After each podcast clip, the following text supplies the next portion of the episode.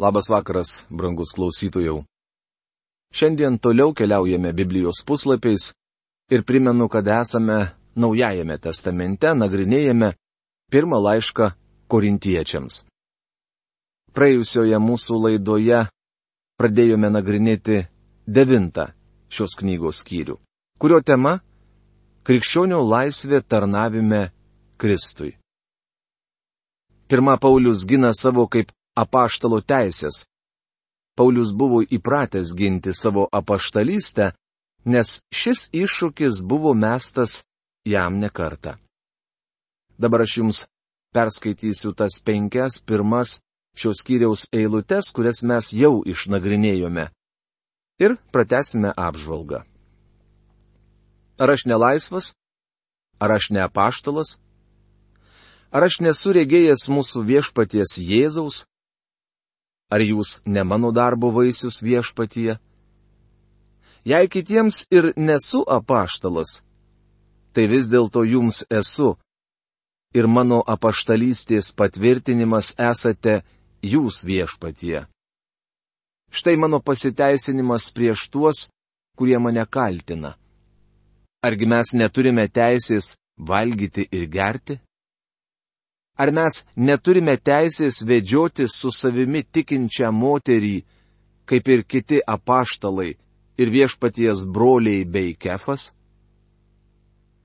O gal tik aš ir Barnabas neturime teisės nedirbti rankų darbo? Pirmas laiškas korintiečiams, devintas skyrius, šešta eilutė. Toliau jis ketina pakalbėti apie piniginius bažnyčios ir pamokslininko santykius. Kasgi tarnauja kariuomenėje už savo paties pinigus? Kas sodina vynuogyną ir nevalgo jo vaisių? Arba kas gano bandą ir neminta bandos pienu? Ar tai sakau vien pagal žmonių papročius? Argi to nesako ir įstatymas? Mozės įstatymė parašyta, neužrišk snukio kulenčiam jaučiui. Bet argi Dievui te rūpi jaučiai? Pirmas laiškas korintiečiams, devintas skyrius, septinta devinta eilutės. Tais laikais jaučiai buvo naudojami kuliant javus. Jauti pririždavo prie karties, kuri būdavo sujungta su horizontaliu ratu ir jis eidavo ratu, mindydamas grūdus. Taip šie atsiskirdavo nuo pelų. Paskui pelai būdavo išmetami į viršų, kad vėjas nupūstų juo šalin, o ant klojimo aslos likdavo grūdai. Dievas liepė neužrišti nasrų kulenčiam jaučiui. Kodėl? Jis dirbo ir dėl to kuliant jam buvo leidžiama ėsti grūdus. Duodamas šį įsakymą Dievas pasirūpino jaučiais. Jei kalbėsime apie žmonės, tai suprantame, jog negalime užrišti burnos pamokslininkui. Už savo darbą jis turi būti maitinamas. Girdėjau pasakojimą apie vieną pamokslininką iš Kentukio valstijos, kuris turėjo labai gražų ir nupenėtą arklį. Tačiau pats pamokslininkas buvo labai liesas. Kartą vienas iš jo bažnyčios patarnautojų paklausė, apie tai jau kuris laikas buvo kalbama. Kodėlgi pamokslininkė, jūsų arklys atrodo taip gerai, o jūs toks liesas? Šisgi atsakė, pasakysiu kodėl. Savo arklį aš šeriu pats, o mane maitinate jūs. Dievas liepia neužrišti nasrų jums dirbančiam jaučiui. O Paulius pritaiko šį principą pastoriams ir Dievo žodžio mokytojams. Dievui rūpi ne tik jaučiai, bet ir pamokslininkai. Apaštalas sako, kad jis, būdamas apaštalu, pamaitino kitus ir turi teisę pats būti pamaitintas. O gal jis iš tiesų taiko mums? Juk dėl mūsų buvo parašyta, kad artojas turi arti su viltimi ir kulėjas turi kulti su viltimi gauti savo dalį. Jei jums pasėjome dvasinių gerybių, tai argi didelis dalykas būtų pas jūs pjauti medžiaginių? Pirmas laiškas korintiečiams, 9 skyrius 10-11 eilutės. Paulius vėl mini tai laiške Galatams. Jei kas nors palaimino jūs dvasiškai, davė dvasinių turtų, tada jūs turite pasidalinti materialiais palaiminimais. Girdėjau, kaip Tori Johnsonas sakė keletą kartų Bailptaune, Floridos valstijoje, kad jūs turėtumėte paremti tuos Dievo namus, kuriuose randate palaiminimus. Sakykime, jūs nuėjote pavalgyti į kokį nors restoraną. Jūsgi neinate užsimokėti už kampo į kitą restoraną, o mokate ten, kur pavalgėte. Tačiau daug žmonių būtent taip elgesi su dvasiniu maistu.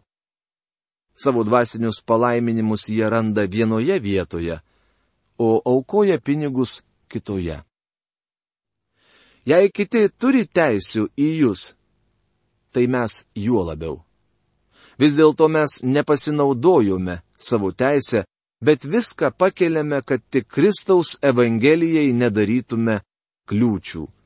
Pirmas laiškas korintiečiams, devintas skyrius, dvylikta eilutė.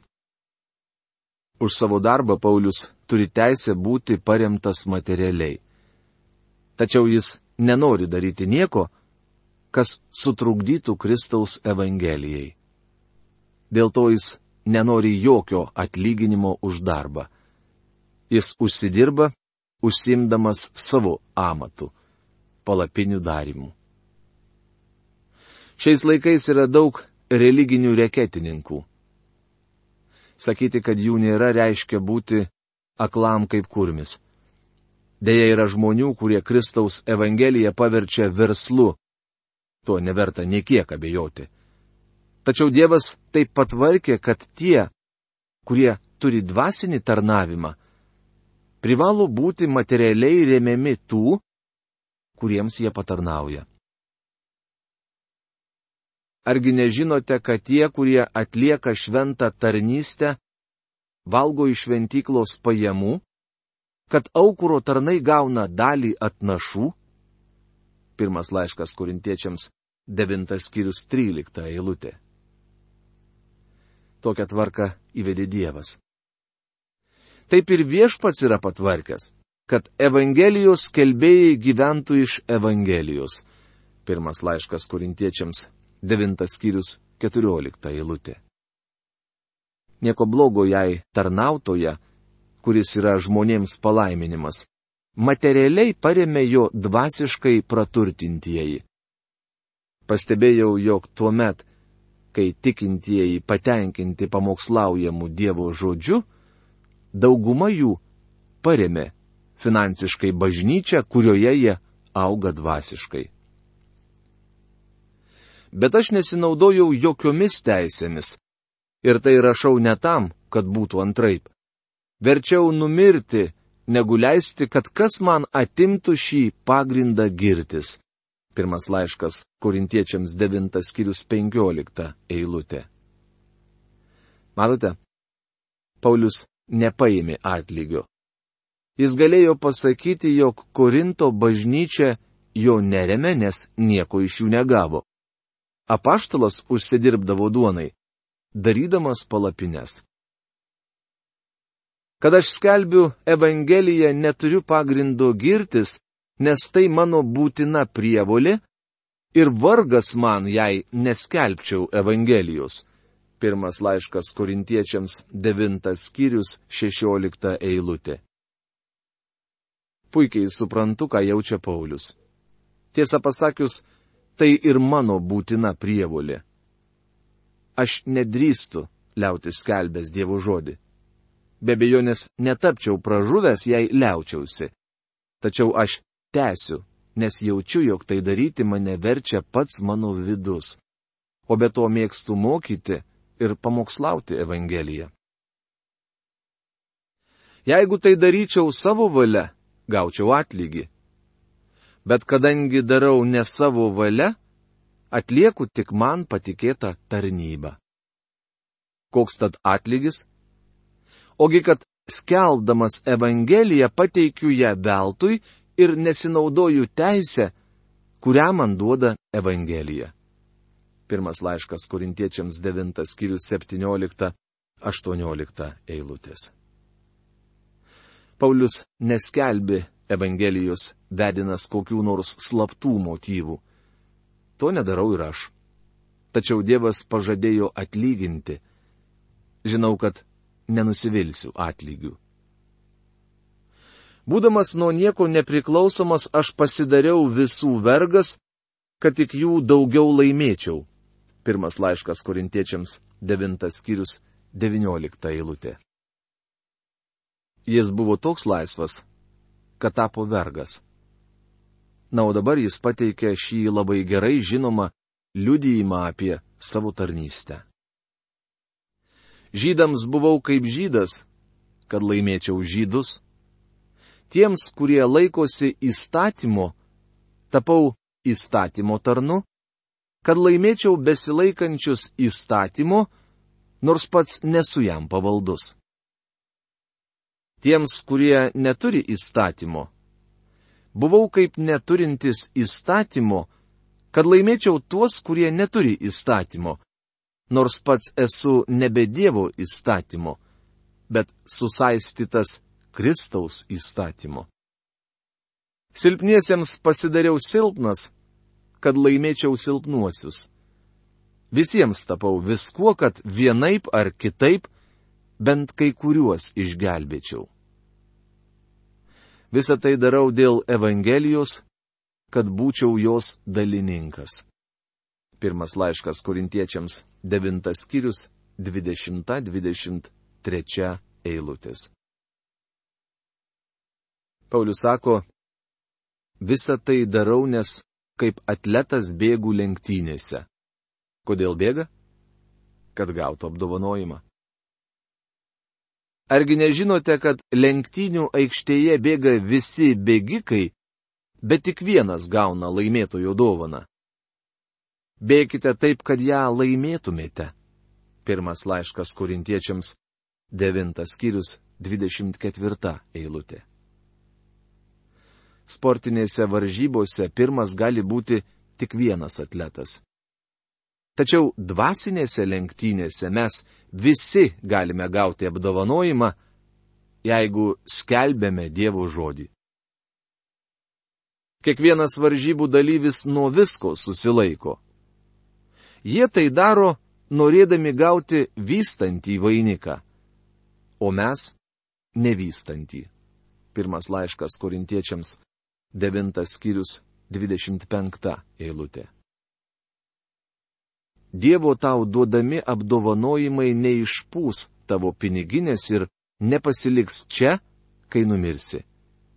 Jie bus amžini tavo turtai. Todėl aš bėgu neklaidžiodamas ir grumiuosi ne kaip į orą smūgiuodamas. Pirmas laiškas Korintiečiams devintas skyrius 26 eilutė.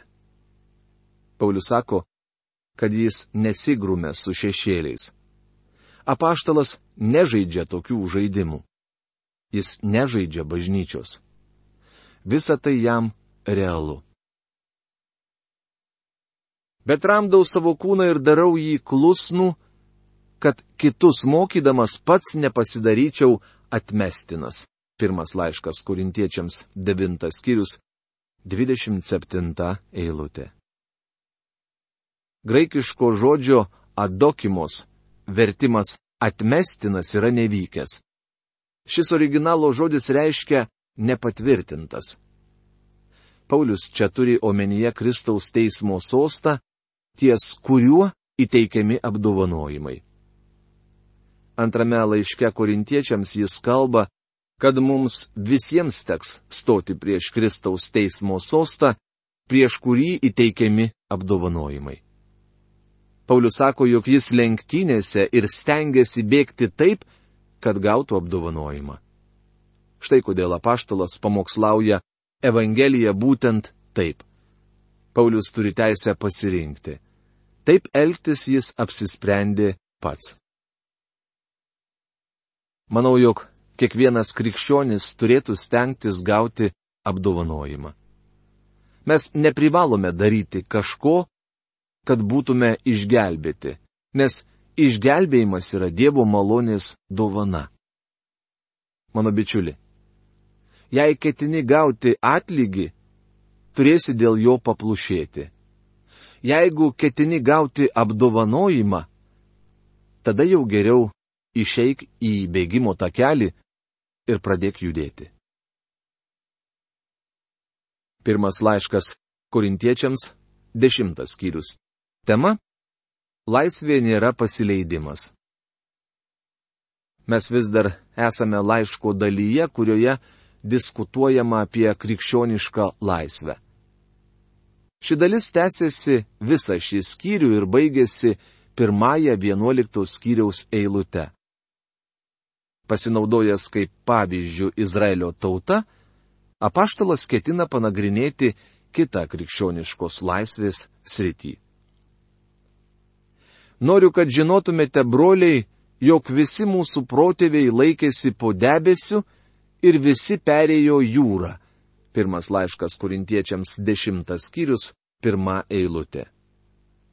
Originale šioje eilutėje yra graikiškas žodis de, kuris reiškia taip pat. Šis žodis sujungia dešimtą skyrių su paskutinė devintos skyriaus eilute. Joje Paulius kalbėjo, jog nenori būti prieš Kristaus teismo sostą pripažintas nevertu gauti atlygį, bet trokšta gauti apdovanojimą. Noriu, kad žinotumėte. Skaitydami šios Pauliaus žodžius galime nebejoti, jog apaštalas parašė juos, nes broliai nežinojo ar nesuvokė to, ką jis ketina jiems paaiškinti. Korinto bažnyčia buvo ne vienalytė.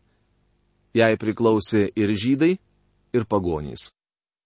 Šiais laikais nedažnai sutiksi krikščionį žydą, tačiau Pauliaus dienomis retesni buvo krikščionys iš pagonių.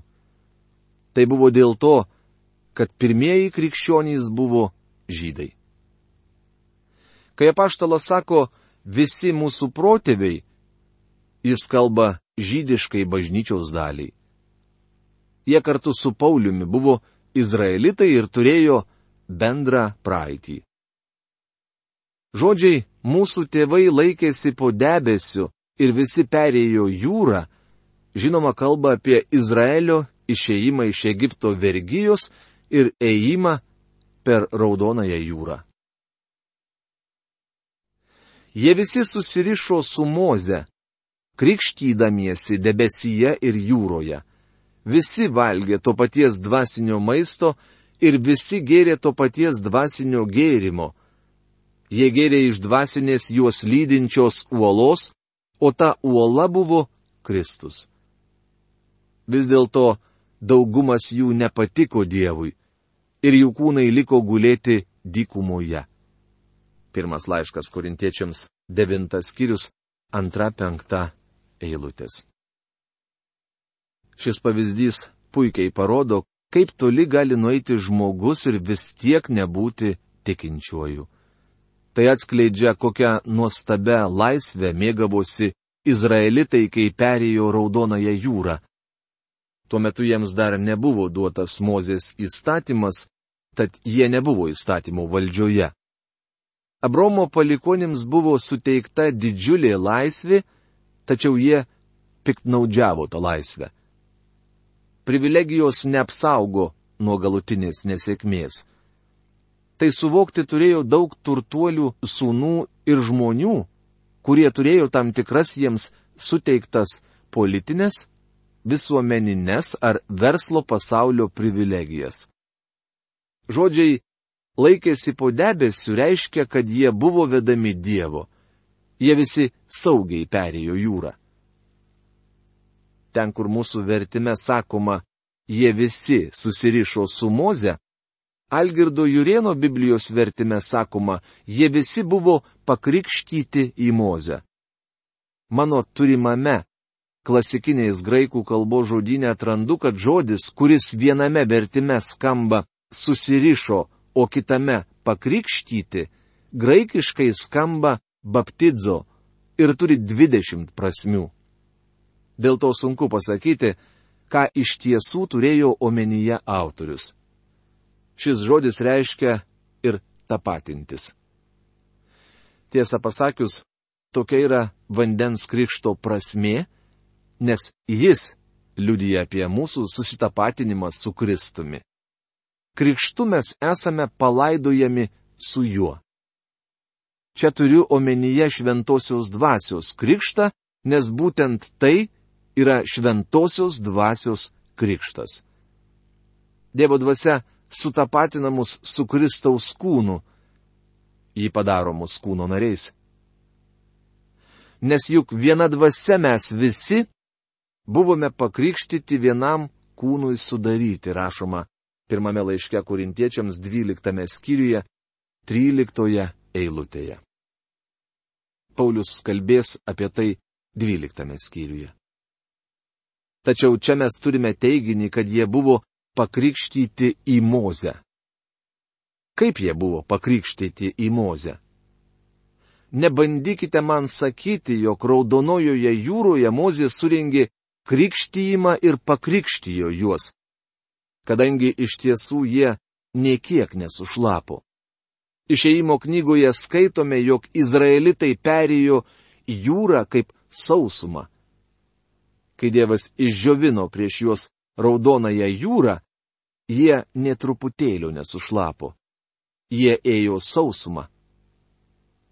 Kas tikrai sušlapo, tai egiptiečiai. Jie tiesiog permirko. Taigi, kai kalbama, kad jie buvo pakrikštyti į Mozę, apaštalas neturi omenyje vandens. Tai ir nešventosios dvasios krikštas, nes sakoma, jog jie buvo pakrikštyti į Mozę.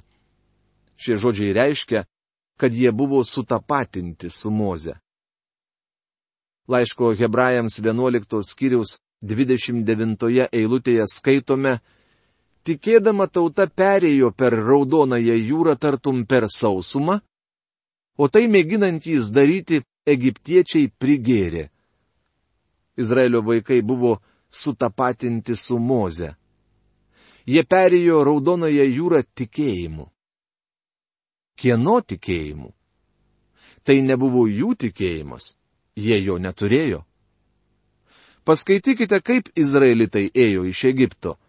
Jie juk norėjo sugrįžti atgal ir jie kaltino Mozę, kad jis išvedė juos į tą siaubingą dykumą. Tai Mozė tikėjo. Tai Mozė prieėjęs prie vandens trenkė per raudonąją jūrą, kai buvo įsakęs Dievas.